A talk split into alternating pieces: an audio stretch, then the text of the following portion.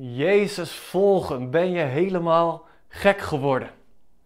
Ja, als je erbij nadenkt, is het erg super bizar dat de discipelen van Jezus Jezus bleven volgen. want in de meeste gevallen kregen ze iets te horen als: hey, kom, volg mij en laat alles achter je. En vanaf dat moment betekende het dat ze in tentjes moesten leven, dat ze erg veel moesten lopen, dat ze hun dierbaren, soms zelfs hun vrouwen achterlieten. En dat klinkt best wel als een behoorlijke prijs, toch?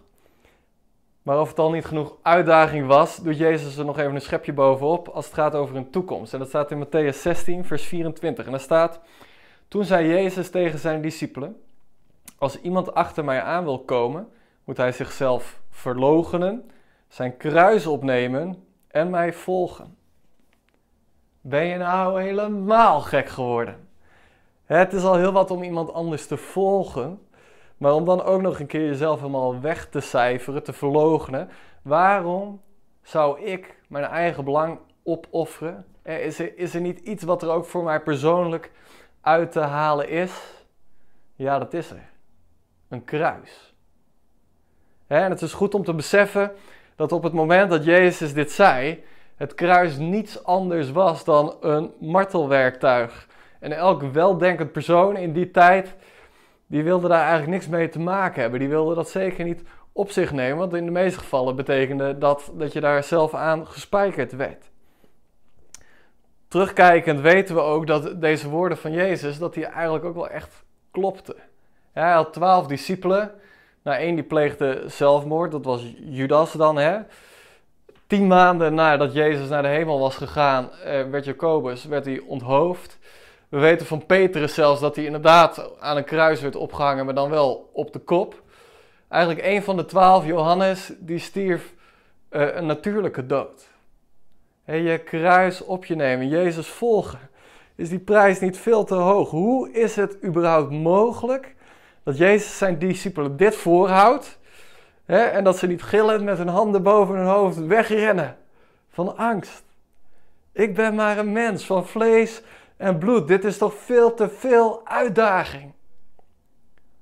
En misschien vinden we het antwoord wel op deze vraag in het gedeelte wat voor het vers staat wat ik net heb voorgelezen. En Jezus vraagt aan zijn discipelen wie ze denken dat hij is. En Petrus geeft het goede antwoord. Nou, en dan krijgt hij een beloning.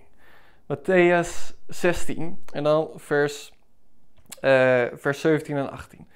En Jezus antwoordde en zei tegen hem: Zalig bent u, Simon Barjona, want vlees en bloed hebben u dat niet geopenbaard, maar mijn Vader die in de hemel is.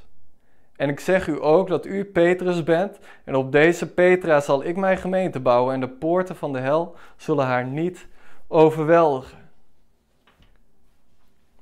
Jezus is niet alleen maar goed in uitdagingen geven. Jezus is ook een ster in het uitnodigen van mensen om deel te zijn van zijn koninkrijk. Op jou bouw ik mijn kerk. terwijl, terwijl Petrus daarnet eigenlijk heeft gezegd van u bent de zoon van God. En hij had het goed. En dan zegt die zoon van God tegen jou, hey, en met jou ga ik samen bouwen. Ja, dat wil je wel volgen, toch? En we zien het eigenlijk door de hele evangelie heen gebeuren. Van, hey, doe maar, probeer maar, doe maar mee, je kan het. Ik geloof in je. Ook al ben je er nog niet, deze stap mag je zetten. Wat een uitnodiging. Dus kunnen de discipelen zich geen betere, betere plek bedenken dan precies daar achter Jezus aan. Dus Jezus is niet alleen maar goed in uitdagen, hij is ook goed in uitnodigen. En daar kunnen we van leren. En daarvoor heb ik even een modelletje. Ik pak hier het whiteboard. Een modelletje heb ik hier getekend. En daar staat eigenlijk, hè, als je heel veel uitdaging hebt, bij heel weinig uitnodiging, dan kom je in stress. dus dus dat, waarom zijn ze niet gillend weggerend?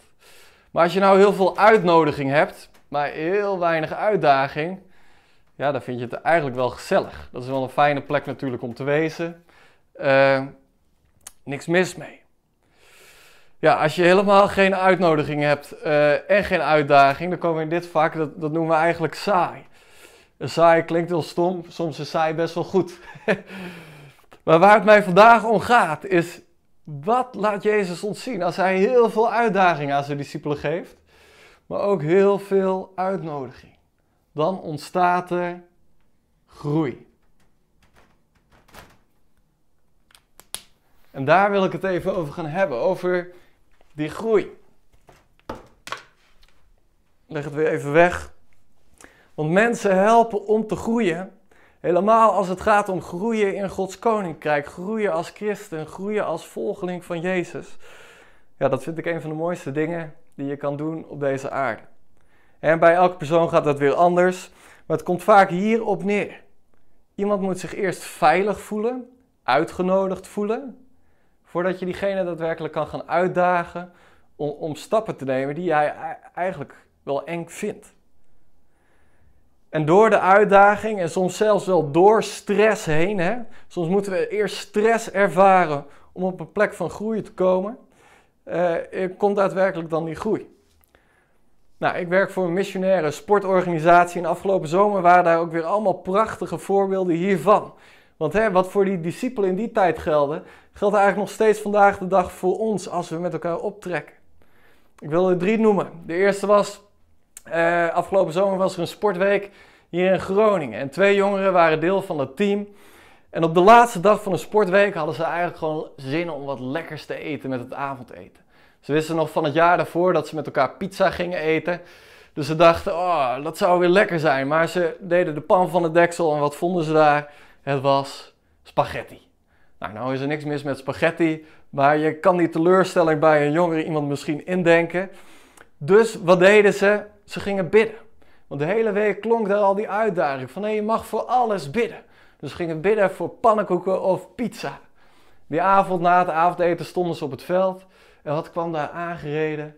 Het waren drie scootertjes van een pizza franchise die ik niet nader ga noemen. En die kwamen daar twintig pizza's brengen.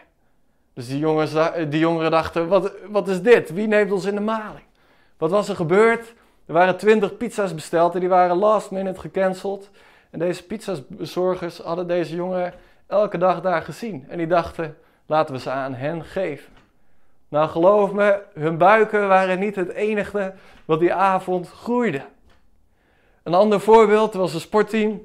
Dat ging naar Zweden toe om onze partner daar om de right track te brengen met hun sportcommunity. En de meeste mensen van het team die hadden niet eerder een outreach gedaan. De teamleiders die gingen eigenlijk voor het eerst dit leiden. En er was ook nog geen sportcommunity in Zweden. Dat was natuurlijk een behoorlijke uitdaging, want iets starten waar nog niets is, dat is uitdaging in zichzelf. Toch ging het team op pad en na een heerlijk weekend van voorbereiden, waar ze echt samen ook bij het kruis uitkwamen, eh, mochten ze de wijk ingaan om die sportcommunity te starten. En daar kregen ze te maken met taalbarrières, cultuurverschillen en een hele hoop regen. Nog meer uitdaging. Maar daar was zoveel uitnodiging in dat team dat ze met elkaar ook echt ervoor gingen en dat daar groei was. Zowel in hun persoonlijke leven als daadwerkelijk op die plek. Want daar is nu een sportcommunity gestart die elke week weer daar staat en bezig is. Het gaat door. En als laatste verhaal is het verhaal van een vriend van mij en zijn tienerzoon. Vorig jaar was zijn zoon meegegaan op ons sportkamp. En dat was eigenlijk al een wonder op zich, maar daar ga ik het nu niet over hebben. Maar dit jaar wilde zijn zoon wel weer. Maar zijn vader dacht, kan ik ze dat wel aandoen? Want dat gaat ze veel te veel uitdaging geven. Mijn tienerzoon maakt allemaal verkeerde keuzes in het leven. En dan loopt hij daar rond en dan kan ik hem op het eind van het, of halverwege het weekend weer ophalen. Maar wij zeiden, hé, hey, die uitnodiging blijft staan, laat hem maar komen. En dus kwam zijn zoon en na het sportkamp was hij in gesprek met zijn vader. En hij zei tegen zijn vader, pap, ik geloof dat God echt bestaat. Dat was de eerste keer in zijn leven dat hij dat uitsprak naar zijn vader. En nu gaan vader en zoon gaan in de herfstvakantie samen met mij, daar heb ik heel veel zin in, gaan we samen op outreach naar Barcelona. Daar was groei door uitdaging en uitnodiging heen. Jezus volgen? Ben je gek geworden? Ik dacht het niet. Met alle uitdagingen die er zijn in het volgen van Jezus, is er ook zoveel uitnodiging. En dus ontstaat er ruimte om te groeien. En geloof me, dat wil je van dichtbij meemaken. Hoe daag jij mensen uit? En zorg je dan ook dat je ze uitnodigt? Dat is mijn uitdaging voor jou. Zegen.